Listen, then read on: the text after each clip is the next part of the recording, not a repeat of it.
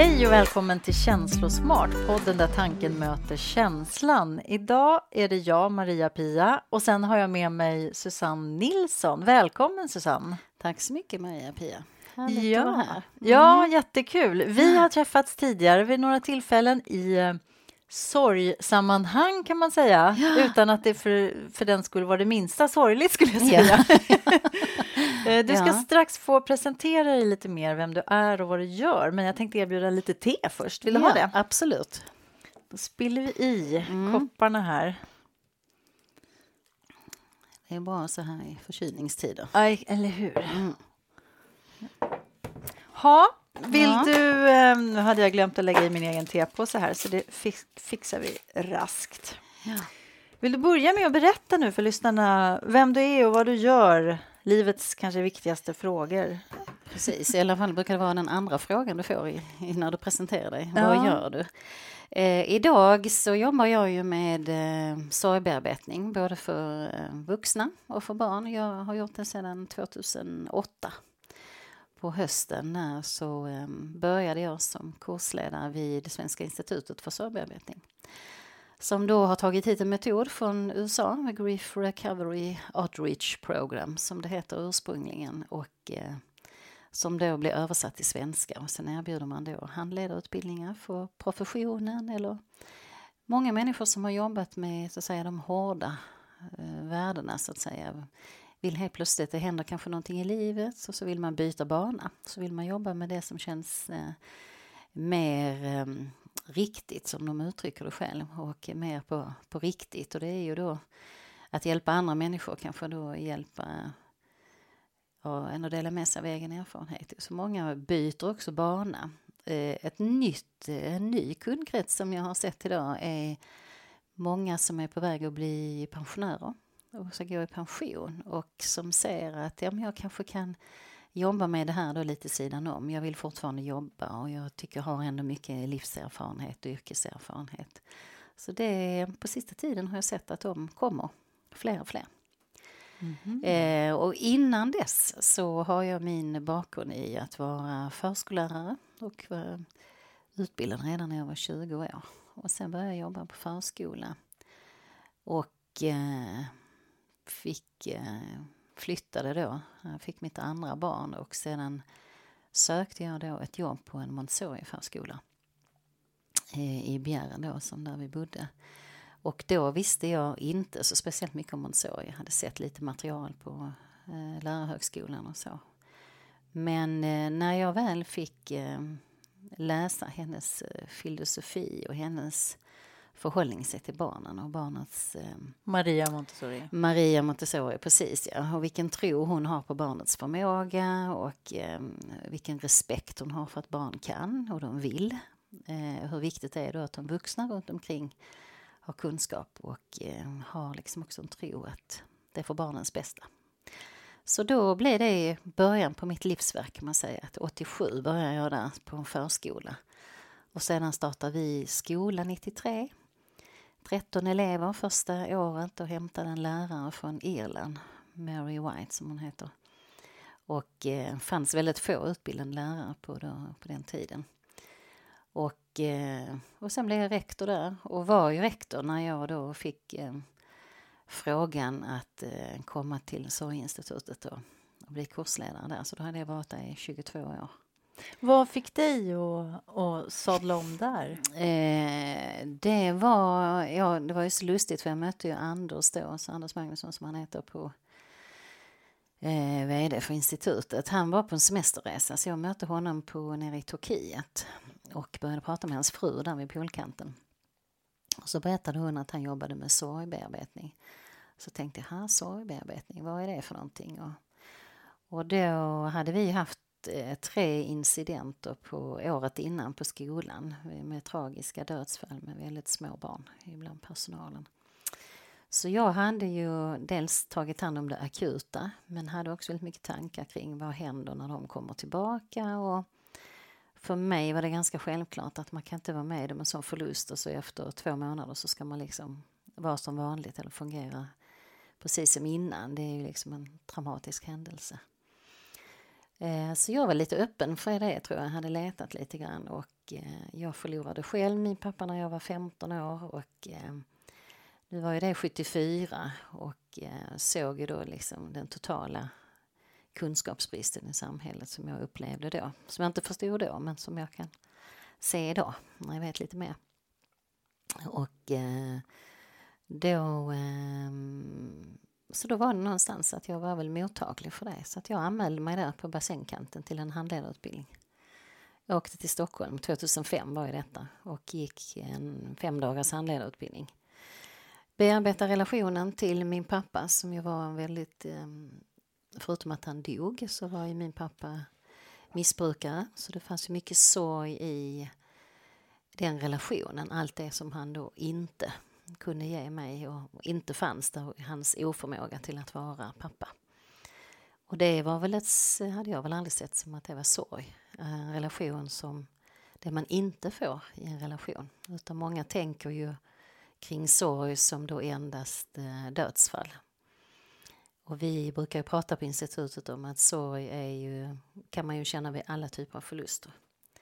Och det kan vara skilsmässa och det kan vara familjerelationer och det kan vara psykisk ohälsa, eh, många barn som är, får ta ett väldigt stort ansvar i sin uppväxt och så tror man att det där bara går över av sig själv men det visar sig sen att man kan få problem och eh, konsekvenser av det som vuxen. Ja. Du kan ju ha problem med nära relationer, du kan bli sjukskriven och olika fysiska symptom på någonting som är obearbetat. Och, så det var väl nog det som mest tilltalar mig att oj, kan sorg vara liksom även efter andra typer av förluster.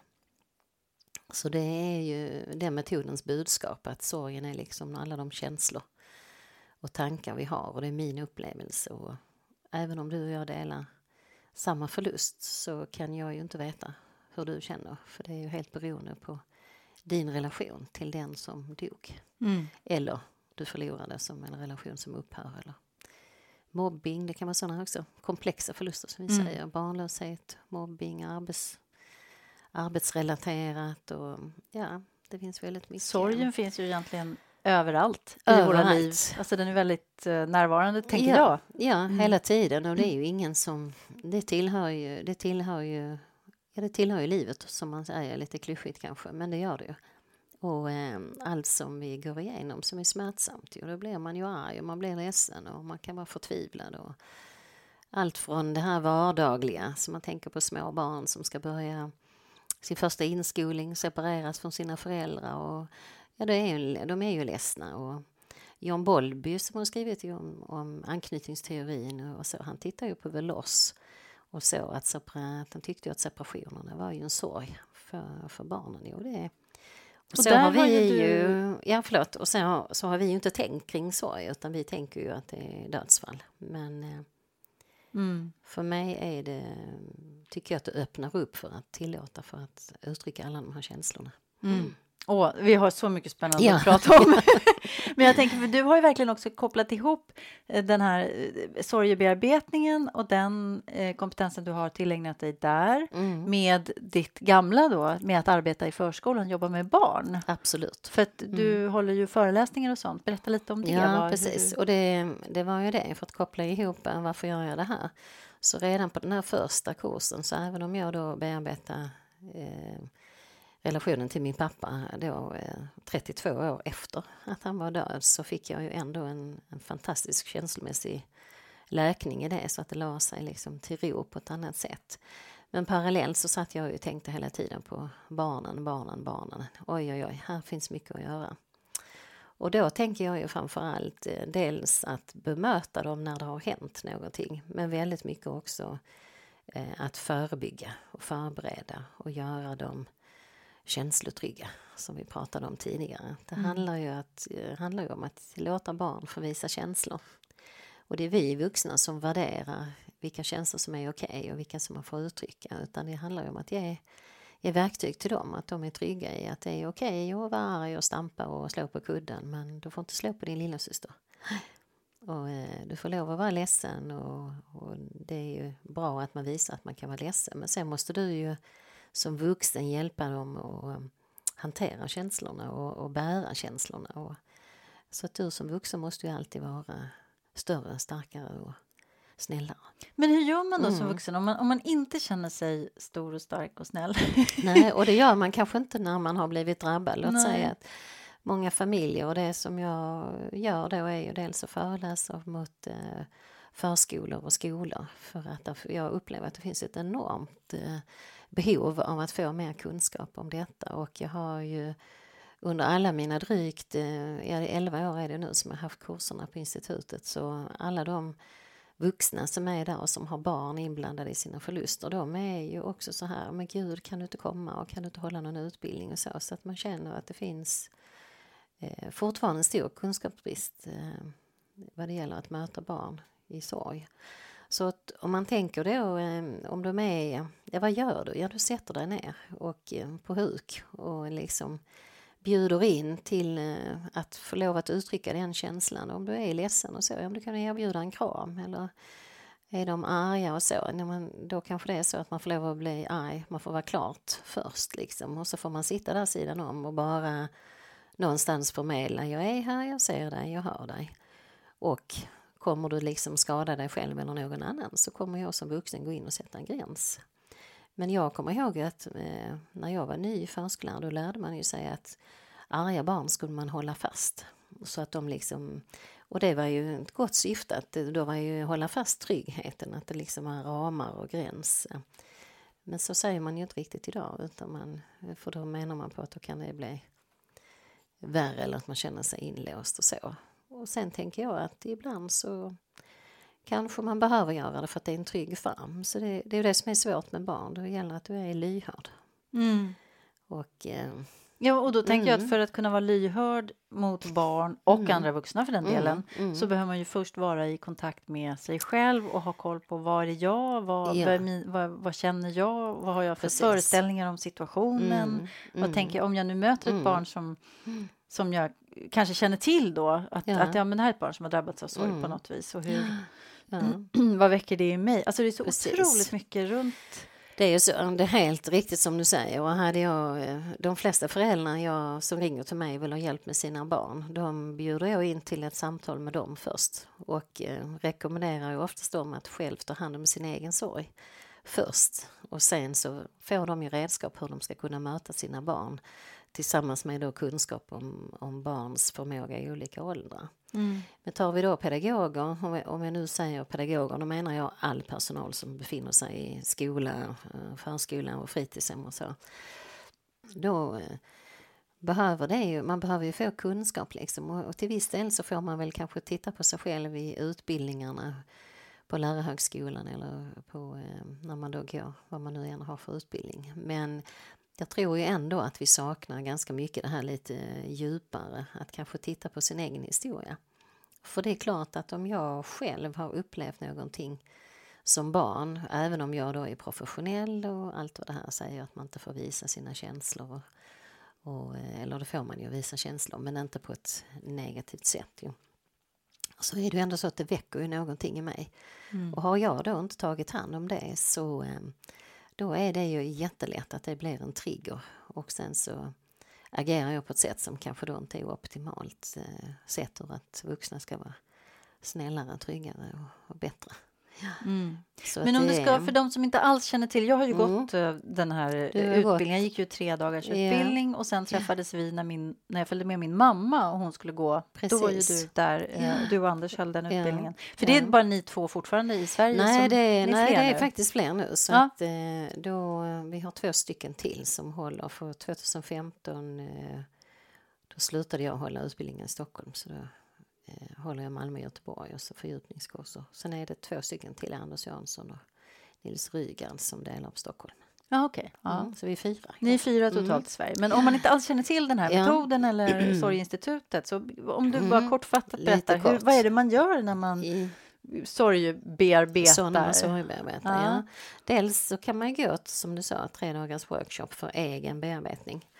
Eh, och då eh, är det ju så första dagen så har du lite föreläsningar om eh, sorg i allmänhet, sorgreaktioner, vad är normalt och naturligt? Och vi har ju en sån här definition att sorg är en normal och naturlig känslomässig reaktion vid alla typer av förluster. Eh, tittar man i ordboken så står det ju sorg är lika med kraftig nedstämdhet vid nära anhörigs död.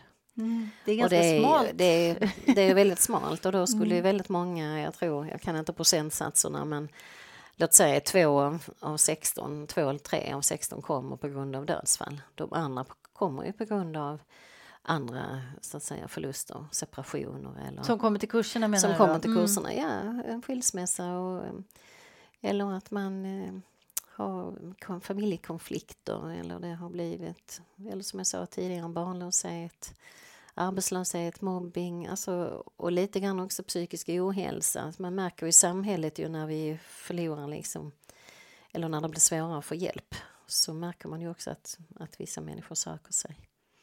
Man blir lite desperat och Mm. söker efter hjälp ju. Mm. Men man måste kunna då delta i, i att sitta och lyssna i tre dagar och göra, göra de här uppgifterna. Så man kan säga att det man gör är att man em, tittar då på alla typer av förluster. Man gör ett förlustdiagram och ser hur har mitt liv sett ut utifrån det här perspektivet. Och även om jag då har lärt mig saker om mina förluster så är det ändå så att man tittar på och ser och, gör en slags värdering. Vad har varit mest smärtsamt för mig om jag tittar på det utifrån idag? Och sedan väljer man ju en relation och då kan man säga att bearbetningen går ut på att man går igenom hela relationen i form av att man gör ett, eh, en tidslinje och tittar på när, som jag, jag tar pappa, det är ju lättast att göra det. Och då blir det ju när jag föddes och sen så fram till idag, även om han då dog 74. Och då tittar man då dels på positiva minnen och sen på negativa minnen. Eh, konkreta händelser eller eh, föräldrar kan ju vara så här liksom klamrar, de har ett visst förhållningssätt. Då. både positivt och negativt. Men, och sen omvandlar man det och eh, vi har då någonting som vi heter läkande faktorer. Och det handlar ju då om att titta på min del i relationen och det jag har ansvar för. Och där jag då får framföra min ursäkt i ett eh, brev som det hela slutar med så att säga. Och eh, där jag förlåter för min egen skull. Det är ju ett litet landat ord det här med förlåtelse och det är väl kanske den stora Eh, begreppet på, på utbildningarna. Att förlåtelse när vi har det så betyder, är ju definitionen att jag bekräftar att det du gjorde har skadat mig. Men jag tänker inte längre låta mina minnen av dessa händelser fortsätta skada mig.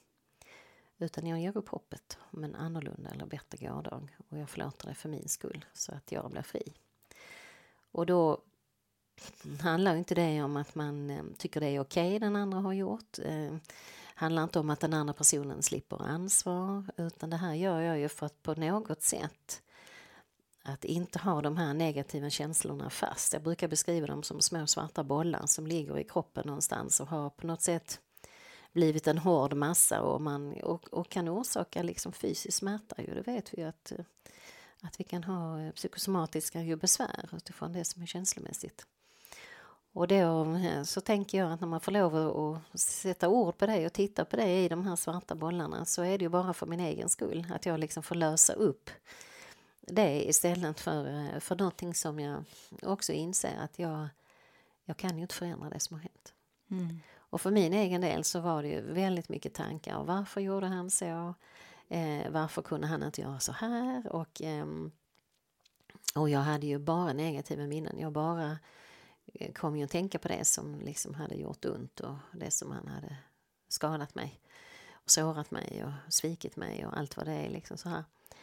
Och eh, så att när Anders sa då, ja, så ska ni göra positiva minnen på, så tänkte jag, det finns ju inte, det finns ju inte ett enda. Men det gjorde det. Och det var ju väldigt läkande, att även om det då var några saker så gjorde det ju ändå att jag kunde ändå gå med känslan att ja, men på något sätt brydde han sig och eh, det var väldigt betydelsefullt. Nu är det ju inte så i alla relationer, men i de flesta relationer i nära så finns det ju kanske två positiva och kanske tvärtom två negativa. För det kan ju vara en relation som är väldigt, väldigt eh, bra, väldigt positiv, så man tänker att jag har inget negativt. Så det är också väldigt olika. Men då ska man ändå ta fram... Man ska ändå ta ja. fram, man brukar säga två ursäkter och två förlåtelser och det är ju mer för att vi försöker undvika helgonförklaring och svartmålning. Om inte det är så att du har, går ute på stan och du blir eh, våldtagen eller överfallen eller jag menar då finns det ju inga positiva och det. Och sen så tittar man då på viktiga känslomässiga yttranden. Så att kopplat till de här handlingarna så får man då uttrycka hur man har känt det och hur man har upplevt det och också vilka konsekvenser det har fått för mig. Och där tycker jag väl att den stora läkningen ligger för att många, nu är jag ju född 59, men många i min generation och kanske lite generationer bakåt har ju inte fått uttrycka så mycket känslor utan man har lagt locket på. Det är så här det är, han eller hon har det bättre där och det eh, finns alltid någon som har det värre och det som inte dödar det här där och så kämpar man på och kämpar på.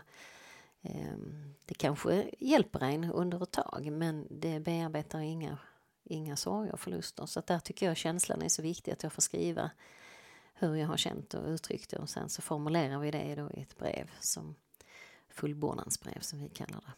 Och sedan läser man upp det, blir hörd av en annan levande person och på något sätt så upplever Och där är ju en, en, en mm, grej med att man ska, liksom man ska bli hörd ja, för ja, någon annan som ja. hör dig. Mm. Men dock inte skicka brevet till den man har skrivit. Nej. Nej, för detta handlar ju bara om dig och din upplevelse. Det handlar ju inte om att eh, Eh, Eh, säga att jag har rätt i, allt, i allting. Utan det handlar ju om att så här har det varit för mig. Det är min sanning och det är min upplevelse. Och jag gör det bara för att jag ska må bättre. Och få, få, eh, det handlar ju också om att inte fastna i de mest smärtsamma minnena. Utan det, det handlar ju om att liksom få tillgång till alla dina minnen utan att eh, de fastnar eller att det stör dig med de smärtsamma minnena. Så det handlar ju mycket, många gånger om att få tag i de positiva minnena. För de ligger ju på något sätt eh, under sorgen ligger glädjen och väntar. För det är ju det som gör ont i oss som vi behöver ta större plats och det är det vi behöver liksom eh, prata om och bearbeta så att vi får tillgång till det andra. Så ja, och vi har ju goda resultat. Jag var i Finland förra veckan till exempel och träffade 17 stycken som jag då hade haft kurs för förra året. Och alla de vittnar ju om, och det är då människor som är diakoner och präster och församlingspedagoger. Och som man då tänker, ja men de jobbar ju med människor och sorg och samtal är ju verkligen. Och alla de vittnar om hur, hur mycket bättre de mår efter att få gjort det på, på det här sättet. Så, så kyrkan brukar säga att de har ju sina sorggrupper och så är det naturligt. Men efter sorggruppen så vill du kanske göra någonting mer när det har gått lite tid och du kanske vill titta på det ett steg till. Och då kan det här vara, är det en del församlingar som använder detta som komplement. Mm. Men det har ju ingenting med religion eller politik att göra. Utan det här, Och man kan gå en kurs och man kan också gå enskilt? Eh... Man kan gå enskilt, så då kommer vi in på handledarutbildningen och den är ju på fem dagar. Och då eh, gör man också den här bearbetningen på de första tre dagarna. För vi vill ju att alla handledare ska ha upplevt det själv. Mm. Hur man gör en bearbetning också för eh, till skillnad från mycket annat så pratar vi ju om oss själva. Ju det som är bearbetat kan jag ju berätta och dela med mig av. Så här var det för mig. Och sedan så, eh, så är det de två sista dagarna då får man en, en manual där man då kan välja att jobba med det. Så det är både fem eller i grupp eller individuellt. Så att vi har ju många certifierade handledare. Jag tror det är typ 1500 kanske i Sverige idag. Som, eh, ja, som då själv i sin tur kan erbjuda och hjälpa människor. Så det är, ju, det är långt ifrån alla som går på institutet idag. Så att när jag är hemma i mitt eget företag, Spio Sorgcenter i Malmö, så har jag ju individuella där på kurs eller så kan jag ha dem i grupp. Har ju också mycket, många barn som jag också hjälper. Mm, mm. Mm. Jag kommer ihåg när jag gick kursen, det, jag poppar upp några minnen nu medan mm. Det här är ju många år sedan jag gick. Det var, eh, jag tror att det var i januari, februari 2008. Min pappa gick ju bort eh, våren 2007. Mm. Eh, mm. Och jag kände att jag behövde liksom ta itu med det här. För så pass mm. mycket visste jag redan då om känslor att jag förstod mm. att det mm. här skulle kunna... Liksom, ja. ja. jag behövde ta hand om det för att mm. inte jag skulle liksom bli skadad av det på ja. sikt. Ja. Och så gick jag den här kursen och det, det, det, de minnen som poppar upp det är ju den här eh, korgen med näsdukar som stod i mitten när man kommer in i rummet. Och sen kommer jag ihåg att Anders är ju gammal bankrånare. Det var ju lite mm. spännande, hela hans historia. Vi ska inte dra den här, men det var väldigt fascinerande att se och lyssna till hans berättelse.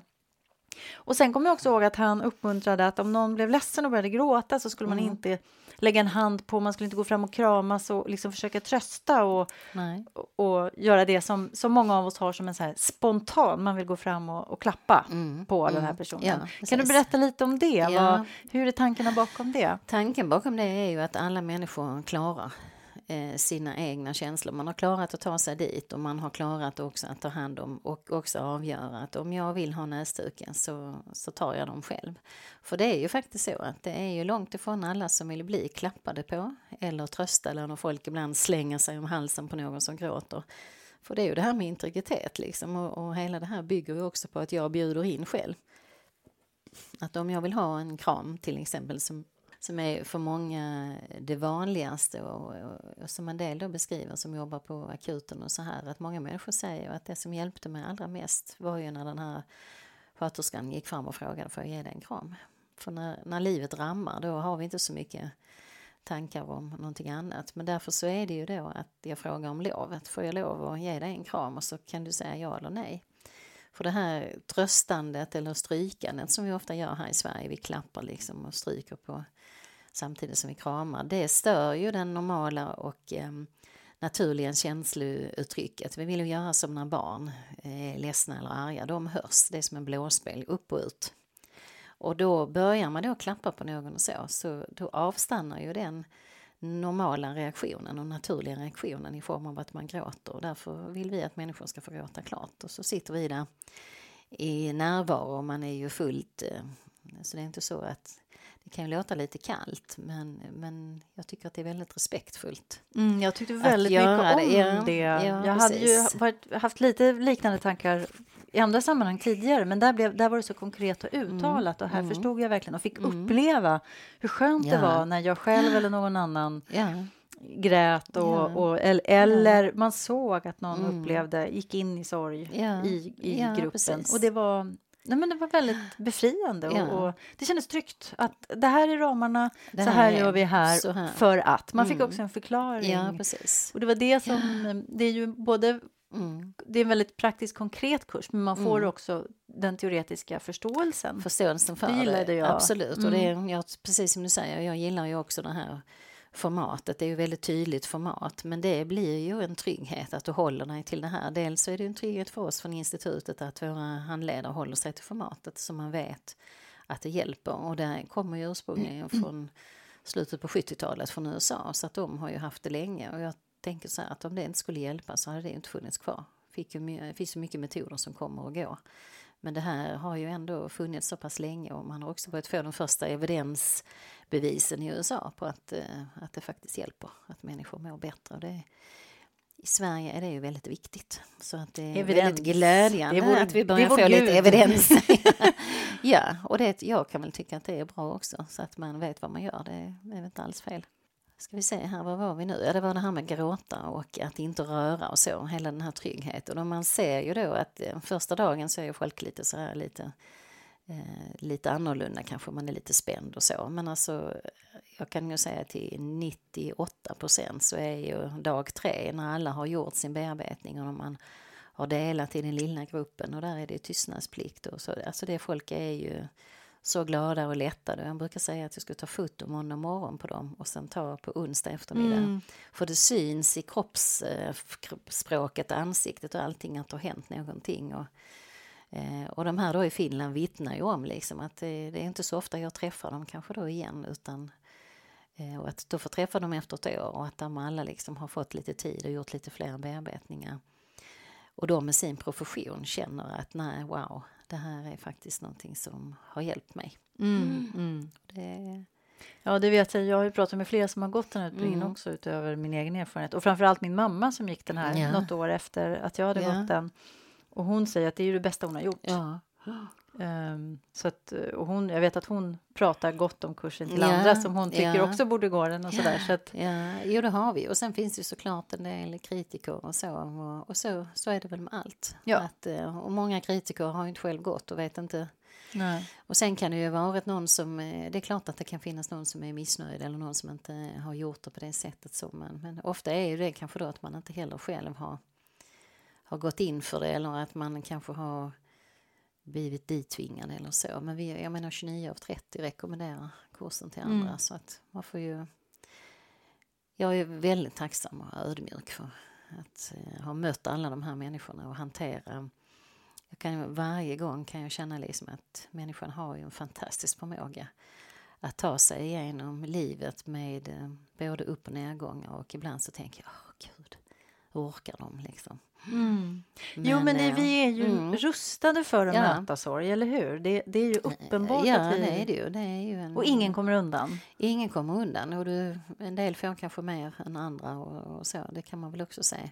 Och du är ju olika rustad som person om vi nu är inne på barnen. Så att vi har ju en viss genetisk uppsättning men vi har ju också karaktärsdrag och personligheter. Alltså det det, vi har ju olika skörhet som människor också ju, redan från födseln. Ju, så att barn är också olika rustade för att hantera svåra saker. Det, vi har blyga barn, vi har framåtbarn. Och, så det är viktigt att kunna möta de här olikheterna och också förstå att eh, det som någon klarar av är som att rycka på axlarna eller prata om det och så. Det kanske man har ett annat barn som man får locka eller man får observera. Jag brukar säga att med, med barnen så får man vara känslomässig detektiv. Mm. Känslospanare, Känslospanare. Ja, det, är, det är samma, vi menar samma sak. menar samma. Ja men det är ju känslospanare. Det är ja. verkligen. Och försöka att, läsa och tolka och använda sig ja. av sina egna erfarenheter mm. men också göra skillnad på vad som är mitt bagage och barnet som du var Precis. inne på tidigare. Ja. Man, det är så himla lätt att det blir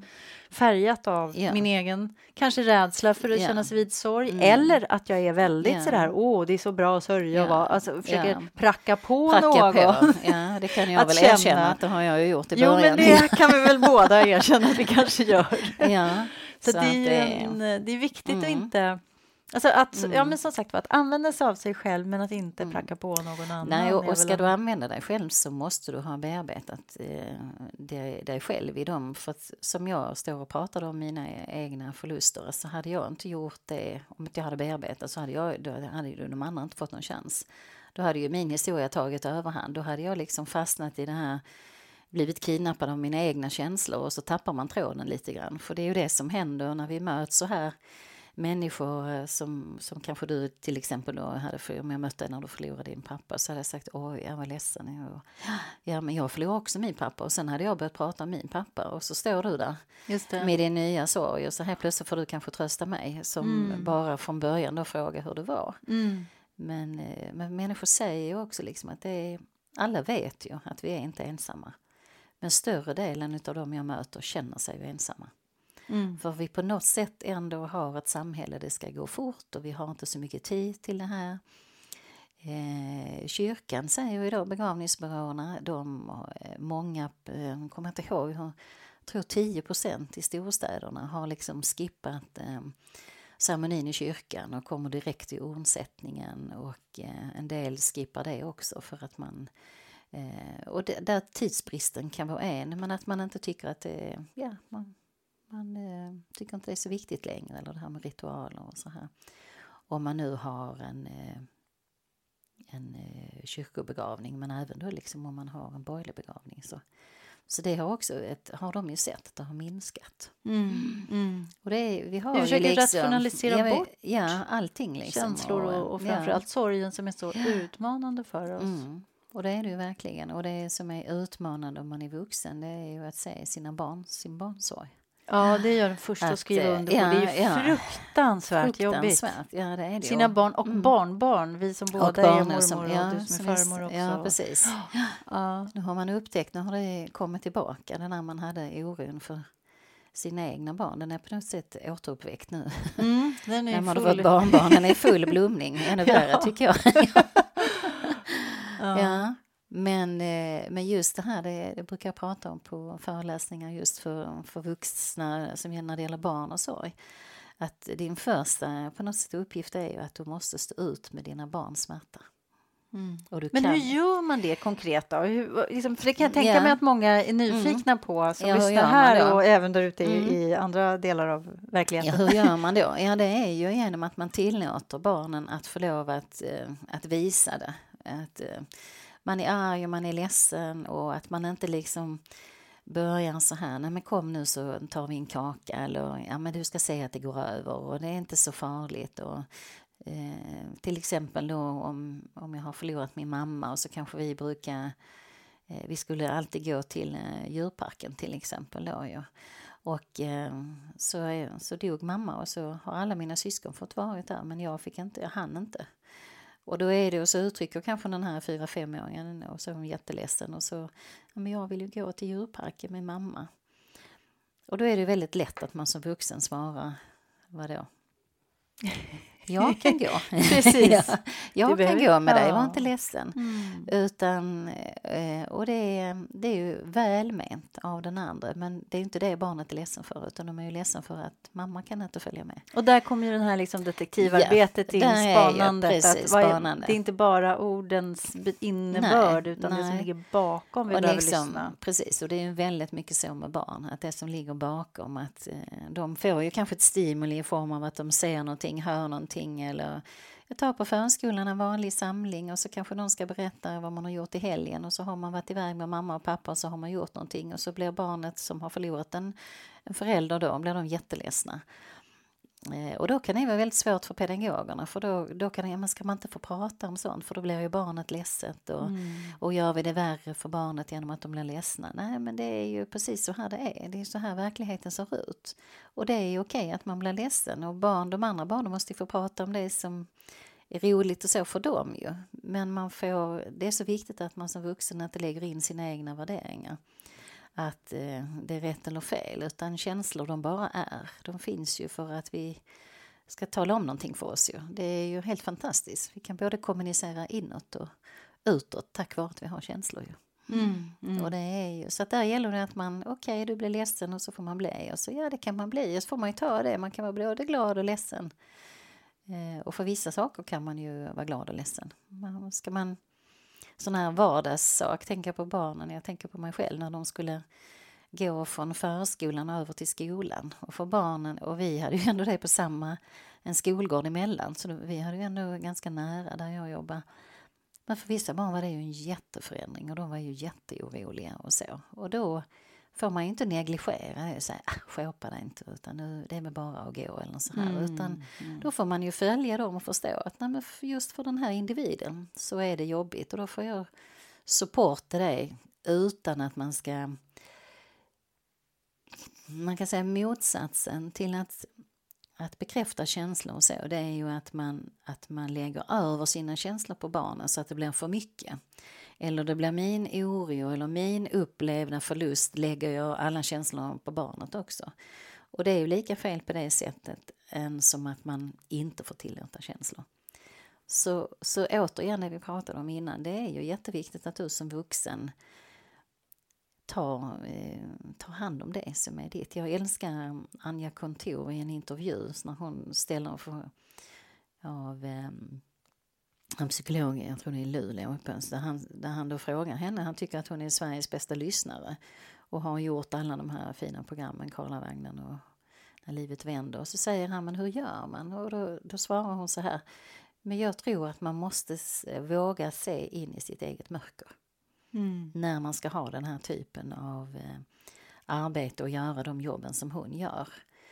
Eh, och jag tänker på oss som är då i skolan och förskolan. Vi, vi vet ju inte om vi kommer att möta det. Eh, det verkar som att eh, vissa möter det fler gånger än andra och det kan man ju, man kan ju aldrig veta. Mm. Och därför är det viktigt att man ändå har någon slags förberedelse. Inte bara våra krisplaner, för vi har ju jättefina krisplaner överallt. Det står mm. ju alla, det, det har vi blivit liksom ålagda och det är ju jättebra. Men det är ju inte det, utan det är ju det här liksom, vad händer med oss när det händer? För du blir ju påverkad själv ju. Och jag tänker på en förskola där jag var och handledde personalen när de hade fått veta att en förälder eh, hade, eh, hade blivit sjuk och det var obotligt.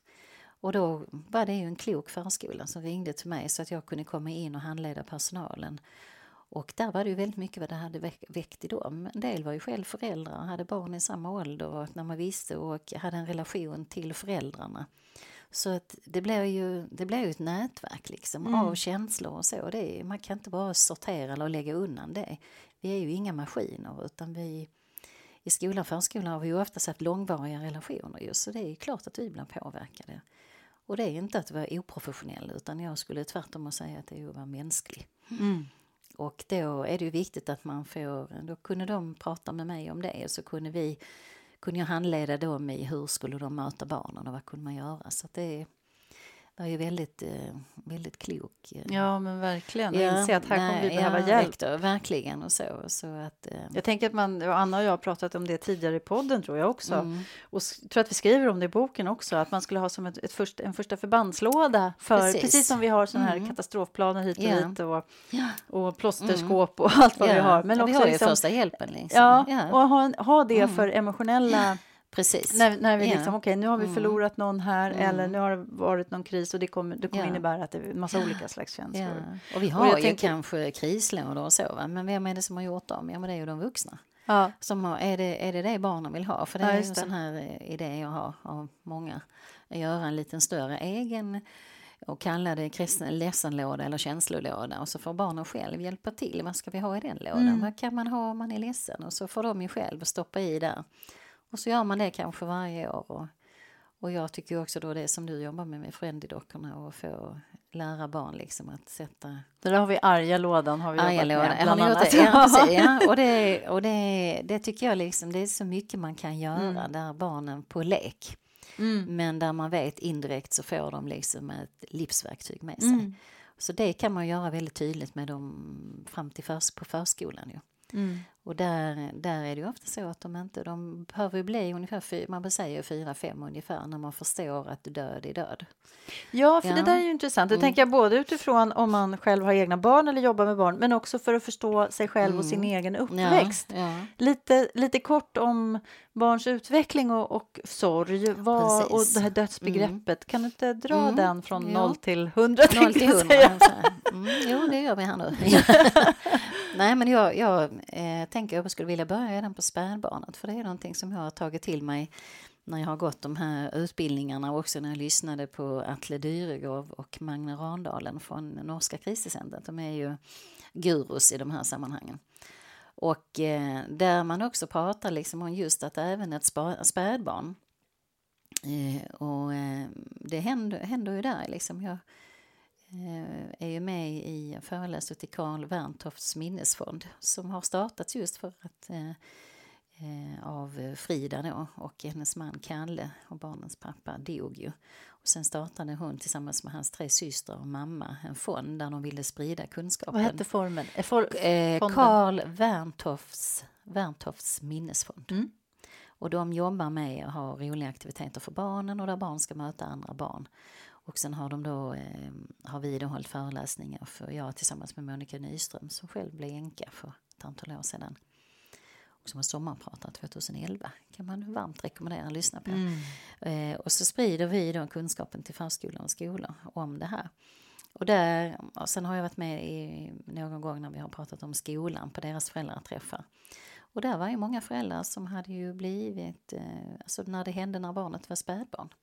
Och då kan man ju tänka att spädbarn kommer inte ihåg någonting och det är inte så farligt för dem och så. Men, men det är det ju. Mm. För att de har ju kroppsminnen. Så de har ju...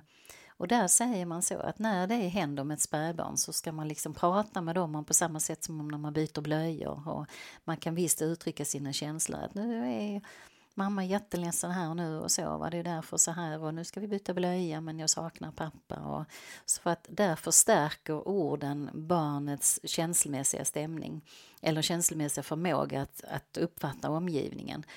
För att spädbarn kan också bli utanför i sorgarbetet för att man inte pratar till dem. Mm. Och så känner de av stämningar och så är det ingen som liksom bekräftar den känslostämningen. Och det, det var ju så man tänkte, wow, liksom. Ja hur viktigt det är.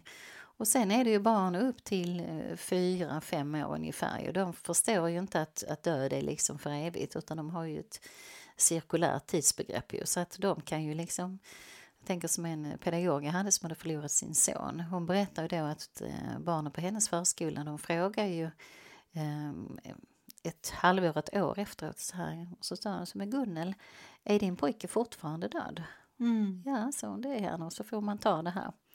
Och sen brukar man säga där vid fem ungefär, just så förstår man ju att död är död och då, då blir det ju också på ett sätt smärtsamt för barnet att um, förstå att efter ett tag att uh, de kommer inte tillbaka. Mm. Och, och, innan, där, innan man förstår så är det också väldigt viktigt att man inte använder metaforer för små barn. Att morfar har somnat in eller pappa har gått bort. Eller de är Från vilken ålder då kan man börja med det om man nu tycker att det är... Ja, alltså det kan då är du där 5-6 när du förstår, när du kan förstå vad en metafor är. Liksom att man gör en, egentligen är det när de får tillgång till sin fantasi och sitt magiska tänkande. När man, eh, för att en fyraåring som upplever att det är en en krokodil under sängen eller ett monster. De upplever, så är det ju för dem. Mm. För de är konkreta. Så att det är ju så, så man kan inte säga nej men utan man får ju visa dem och tända lampan och så, för det är ju en del i deras utveckling. Och då säger man då att mormor har somnat in och så vaknar hon aldrig mer, så kommer hon aldrig tillbaka. Så finns det ju en risk för att eh, det barnet får lite problem att somna mm. längre fram. Ju, så att, eh, och det är sånt där som vi säger all välmening. För att vi eh, själv, ja. man hör det där, det är liksom ja. ett språkbruk som Precis. följer med genom vi, generationer. Ja. Och, och, det är ju så att vi gör ju som kanske vi själva har blivit mötta mm. och lärda och sen så mm. gör vi likadant tills vi har lärt nytt och det, det är därför det är så viktigt med kunskap. Och, mm.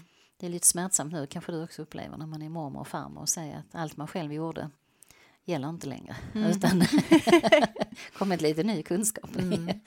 Tack och lov. Mm. Ja, tack och lov säger jag också. Men, men det är viktigt där att man är öppen för det så att man inte säger så gjorde jag så var det rätt. Utan mm. Vi vet ju så otroligt mycket mer om hjärnan idag och känslor ja. och allt det. Så. Ja. Mm. Och den här mm. magiska åldern då, hur länge, mellan vilka åldrar? Sen, sen när fem, sex där, då kan du också se på förskolan. Jag kommer ihåg man har haft projektarbete en hel termin om döden. För då tycker de ju det är jättespännande och vad händer med kroppen och man kan gå på kyrkogården på studiebesök och till och med krematoriet och så här. För att då är de i en utvecklingsfas där liv och död liksom är viktigt för dem och, och det är klart att de också kan bli rädda för då kan de ju förstå att någon kan ju dö och aldrig komma tillbaka. Så att, men, men jag upplever att väldigt mycket är det, det är nyfikenhet och så går de runt och tänker på min yngsta dotter som gick med sin mormor så var de på kyrkogården så frågar hon ju sen då, ja men, ja men mormor känner du inte någon fler som är döda? Och så fick de gå en liten runda där på, ja, ja det för det var liksom inget konstigt med nej, det. Nej. Och sen kan man säga skolåldern, ju, ju, ju, äldre du blir där sen så, så blir det ju ändå så att man förstår ju, man brukar ju säga att runt 9-10 års åldern som också är en väldigt känslig ålder när man också förstår att man är en del i ett stort sammanhang i världen utanför och man kan ju vara helt förtvivlad över man tittar på nyheterna och ser barn i andra länder och hur fattigt de har och krig och allt så här. Så det är ju mycket för ett barn att ta in. Och man kan helt plötsligt bli väldigt, väldigt rädd för att bara tänker jag har upplevt många barn som har sovit borta, varit rätt så kavata. Och sen fram till helt plötsligt där vid 8, 9, 9, 10 så helt plötsligt så, nej då vill de knappt gå i skolan själv och mm. jätterädda för vad som ska hända. Och, men, men då har man också kommit fram till den utvecklingen att man förstår liksom orsak och konsekvens ju, på ett annat sätt. Barn är ju kloka även innan och det är så svårt att det är svårt att förstå att de inte förstår. Men mm. de gör ju det på ett sätt. De förstår ju på ett annat sätt. De förstår ju på ett annat och på ett sätt, sätt som vi ofta har glömt, ja. brukar jag tänka. Att mm. jag försöker liksom gå tillbaka mm. Um, och använda mm. det jag har, men, men att också till, ja. tillgodogöra mig det ja. som är sant för det yngre barnet. För det yngre mm. barnet, ja. För det, ja, precis som du säger, jag håller med om det. Att jag brukar säga att vi, har, vi pratar ju sönder våra små barn. Ja. För fort de börjar prata så blir vi så verbala, så verbala. Mm. Vi glömmer det här liksom, att fortsätta visa, gå med och vi vet ju alla att det vi gör, det är det de härmar och gör likadant. Och då, mm. Det är ju samma med sorg. Mm. Att om vi då tillåter oss att vara ledsna och, och vara arga men på ett vuxet sätt så är det ju inget farligt utan man får förklara.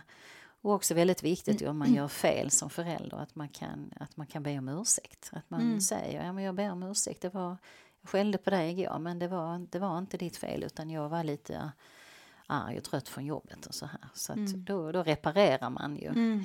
Så att när man pratar om det, nu är vi inne på allt annat. Men om jag går tillbaka till sorgen så, att, så blir det ju också så liksom att att de förstår ju att så för varje skolavslutning, för varje, varje utflykt eller varje lucia så saknar ju det barnet som har varit med om en förlust. Och nu tänker jag barn som är, eller föräldrar som är döda eller föräldrar som inte är närvarande av andra anledningar. Av psykisk hälsa eller missbruk eller ja, våld eller vad det nu är, kriminalitet och, eller bara inte finns där så, eh, så blir det ju en sorg för de barnen eh, varje gång. Och det, det vittnar ju många äldre barn om att de, de tycker att de vuxna glömmer så fort. För att även om det hände när jag var sex så, är ju, så brukar man ju säga att barns utveckling där går ju sorgen parallellt med deras utveckling. Så sorgen får ju en annan innebörd, en annan betydelse, en annan förståelse för att eh,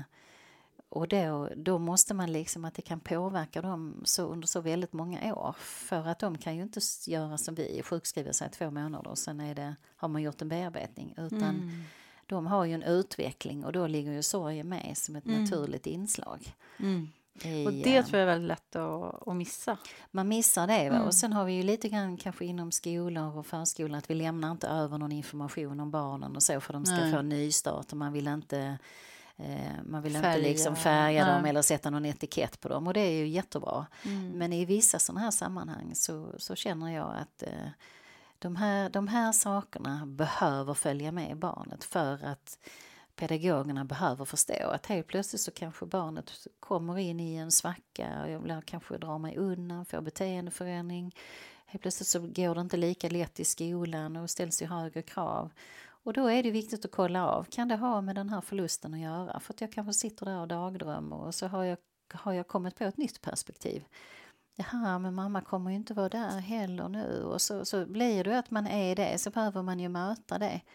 Och eh, få hjälp liksom och, och bearbeta det. Och det är ju mm. lätt att glömma. Ja, men jag tänker både som förälder och pedagog mm. och lärare i, i, i skolvärlden. Ja. Så, där, så otroligt mm. mycket lättare och bättre det skulle vara om alla mm. fick en sån här, om åtminstone alla. en grundläggande mm. utbildning ja. om, om sorg Absolut, och, ja. och, och, själv gå igenom en sån här bearbetning förstås, i den bästa Precis, av världar. Ja, i den bästa av världar så hade mm. vi haft det också på och förstå och, eh, också hur barns, alltså man brukar säga att barns sorg är randig. randig att, den, mm. alltså att man kan vara i full sorg men yeah. att man måste vila ifrån den och, och mm. leka och skratta och ha kul. Och så är det ju som jag berättade här innan, liksom. då kan man vara jätteledsen och så här. Och, så, och sen mm. så stunden efter så börjar man leka med sina dockor eller bilar mm. eller uh, bygger eller vad man gör. Så bara tänker man, men gud vad händer här nu då? Mm. För vi är liksom kvar i känslan. Mm. Och det är ju inget liksom onaturligt utan eh, de, det är nog så att de orkar inte heller för att de är ju små liksom. Så att, eh, Nej, så att det finns ju mycket. Och sen så tonåringar, ja, det, det som är svårt för dem är ju liksom att de vill vara som kanske som alla andra och de kan vara väldigt rädda för starka känslouttryck. Eh, så att de, de liksom, vad händer nu då om jag, blir så här arg eller ledsen? Och, och har ju också väldigt höga krav direkt liksom på eh, och där kan man ju se, jag tänker på en ungdom som jag hjälpte som, där det var två år efter den ena föräldern hade dött, eh, helt plötsligt fick problem i skolan. Ja med inlärningen och så ökade kraven och så började det ju märkas. Nu hade han ju tur och var på en skola där man verkligen såg till det här eh, behovet och jag blev, ehm, i det fallet så fick jag eh, komma dit och hjälpa till. Och, och sen det då liksom ta reda på och sätta ord på vad är det som du funderar på och tänker och så här. Och, och väldigt många barn kan ju känna liksom, de kan tänka till deras fel. Att det är därför de, eller att om de skulle ha känt på sig. Precis som vi vuxna kan göra om det händer mm. någonting. Mm. Och, och det behöver och det är mycket inte, skam i det också. Att, att, att om jag tror att bara för att jag mm. tänkte att du är dum, mm. du borde dö och sen så mm. går du och dör. Ja. Och den skam som det Precis. är. Om jag, jag kopplar tillbaka där till magiska tänkandet där vi, mm. så kan ju barn tro att det de tänker, att de kan påverka det de tänker. Liksom. Precis som du säger nu, att om jag tänkte igår att du är så dum, jag önskar du skulle vara död och sen så dör föräldern dagen efter. Mm. Så kan de ju tro att det är för att de har tänkt. Ja. Och sen är det också um, och vi har ju också det här med eh, suicid ju, när en förälder tar sitt liv. Och att det är ju det som man säger komplicerad sorg eller där det är väldigt vanligt att man tänker de här tankarna. Och där man också som barn liksom kan eh, fundera på men hur, hur kan du lämna mig liksom? Och hur kan mm. du göra det? Och, och jag borde ha hjälp till och så. För även om vi är barn så har vi ju en stark ansvarskänsla. Jag brukar säga att barn luktar sig till där det inte ansvaret sker bland de vuxna så går barnet in och tar det mm. för att liksom försöka se till så att det blir tryggt och normalt. Och, och då är det lätt att de har de tankarna. Så det är, jätte, det är jätteviktigt att uh, barnen får hjälp. Och det finns ju forskning på det som visar också, nu kan jag inte de siffrorna i huvudet, men det är Martin Rostelas uh, uh, studie som finns på Nationellt kompetenscenter där man kan ladda ner den och titta på den. Och det visar ju tydligt då att barn i vissa åldrar är mer känsliga och yngre barn är såklart, det är ju en traumatisk händelse när en omsorgsperson eh, försvinner. Mm. Och sedan så även då i högre åldrar så ser man att det finns en ökad risk för eget, eh, egen sjukdom, eget missbruk, eh, ökad risk för kriminalitet och så det är lite olika med ålder när man är drabbad och så. Men det är, så att jag menar vi har ju forskning på att det finns en ökad risk för de barnen.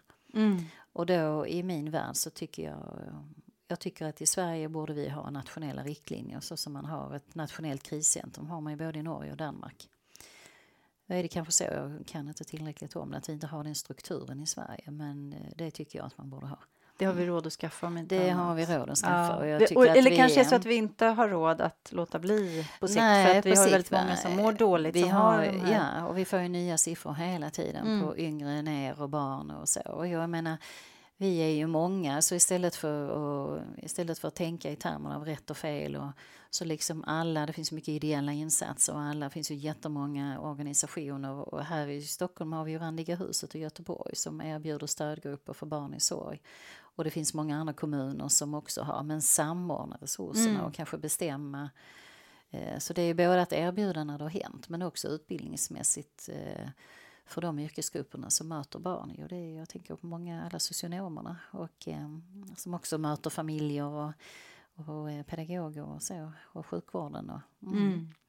Så ja, vi, vi, får uppmuntra alla som uppmuntrar, ja. mm, lyssnar på det här mm. att uh, ta ja. det vidare till sina beslutsfattare i sin ja, närhet. Precis, så. att inte, liksom, att inte se det som en konkurrens utan att istället se för att vi vill ju alla barnen väl och sen mm. finns det olika sätt. Och, mm. Så, att, så, så tänker jag kring det. Och, sen, och just tonåringarna som då också ska hitta sin identitet och ska ut med kompisar och och, så, och det kan jag säga för mig själv. Liksom. Jag, gick, jag hade precis börjat i årskurs nio. Eh, och då... Eh, och i mitt fall så tänkte vi många, ja men han, han var ju liksom ändå ingen bra person så det var kanske lika bra. Att det var lika bra att han, att han dog? dog ja, för då kan ja. han ju inte förstöra mer och så här. Och det, jag kan förstå att man tänkte det, men, men det var inte det. Det var inte där min sorg sa, utan det var ju att Nej, det var inte det du behövde Nej. höra. Kanske. Och då försvann ju liksom allt hopp om att det skulle bli annorlunda. Så. Ja. Men jag såg ju själv att mina eh, ont i magen hade jag haft redan innan och då gjorde jag magröntgen på alla olika som man kunde göra på hösten där och sen så men där var ju inget eh, fysiskt fel. Så att, och likadant att mina betyg sjönk. Vilket ju blev konsekvensen att jag kom ju inte in på den gymnasielinjen som jag hade velat. Och det, det, visste jag ju inte då. Men när jag började jobba med det här så gick jag tillbaka och så tittade jag på det och så tänkte jag måste se om det... Mm. Så det förstår jag ju. Så att även om det är länge sedan så är det ju likadant idag. Lika aktuellt idag. Mm. Men om du ska, mm. vi måste ju tyvärr ja. runda ja. av. Jag hade suttit hela dagen om jag hade fått bestämma. Eh, men jag tänker om du skulle skicka med lyssnarna ditt mest eh, känslosmarta eh, tips när det gäller sorg? Det som det första som, det finns säkert massor sådär, ja. men det första du kommer att tänka det på? Det första jag kommer att tänka på. Som vuxen är det att våga prata om din egen sorg. Och det behöver inte betyda att du sitter i grupp eller så. Våga skriva ner det eller våga möta de känslorna som, som är i dig själv och att du har eh, för det gör dig bättre förberedd för att hjälpa barnen och ungdomarna och eh, sen vill ju inte alla prata känslor. Vi får ju, det vet vi också att en del har svårare och en del eh, inte har det behovet. Men då kan man skriva och man kan rita. Men att du som vuxen, du, du måste gå före och visa vägen. Och det skulle nog vara mitt... För då... Eh, vi brukar säga det på våra kurser att om vi hade fått behålla vår tillgång till att uttrycka känslor ovärderat och blivit trygga i att hantera dem och så så hade vi ju kanske inte kunnat erbjuda de tjänsterna vi gör idag. Utan då hade, för det ska man också veta att 80% av sorgen den klarar människor. själv också. Liksom. Alltså, men det är ju väldigt också viktigt, vad finns det för nätverk? Så är du sidan om så skulle mitt råd vara att eh, gå dit och erbjud hjälp, lämna ett gott bröd eller en gryta eller fråga om du kan hjälpa till på något sätt. Det beror ju också på vilken typ av relation. Men många människor beskriver som är drabbade att det var inte de vännerna som jag trodde som skulle vara där, utan det var ju andra. Mm. Och det finns ju väldigt mycket, liksom, det är mycket som projiceras in i en familj när det är sorg också. Det är mycket känslor och, som inte har att göra med eh, det som händer utan med tidningen, med relationen, hur har det varit i familjen och så. Och också viktigt i en familj, tänker jag för sorg, där det är barn inblandade, att, att föräldrarna är ju så kanske också upptagna av sin egen sorg, så det är ganska svårt att orka med och vara då liksom eh, perfekt förälder till sina barn. Så att, att det finns människor i omgivningen som kan hjälpa till. Och det kan hända att barnen väljer att prata med någon annan. För de vill inte att den enda tryggheten de har kvar, att den mm. personen ska bli ledsen eller att de är jätterädda för att den personen inte ska kunna vara den här trygga föräldern. Um, så att det är också jätteviktigt om man är runt omkring, att man mm. kan vara den som hjälper till. Och man har hört många fina liksom, där vänner har gjort upp schema och så är man där och att de får ett annat vuxet, vuxensällskap och någon mm. kan avlasta dem. Och, och någon som barnen har förtroende med. Och det kan ju så vara... där handlar det väldigt mycket om att hjälpa barn att vara känslotrygga. Trygga. Ja. Mm. Och, och, med de ja. medel som står till buds, liksom, ja. vilka vuxna som finns runt omkring. Ja. Eller, Men att också de som, eh, som har nätverk och så, att man inte ska vara rädd för det. Utan det värsta som kan hända är ju att man möter en väldigt arg person. Och då ska man ju veta att ilska kan ju vara en normal och naturlig sorgreaktion. Så, så gå dagen efter också. Överge mm. mig inte utan fortsätt att fråga och, och hjälp, till, hjälp rent praktiskt, att man kan hjälpa till. Och, mm. så, um, så det skulle jag nog vilja säga, att uh, var inte rädd liksom, utan uh, och är du rädd så acceptera att du är rädd och våga och ta våga. ett steg ändå. Gå i alla fall, ja. eller ring och hör. Ja. Och, ta någon vi, i handen och gå i alla fall. Ja. ja. Och vi brukar säga att en sån här mening som man kan ha är ju att jag är verkligen ledsen för din skull. Mm. Mm. Eller vad är det som har hänt? Och sen förvandlas man till ett hjärta med öron och en mm. väldigt liten mun.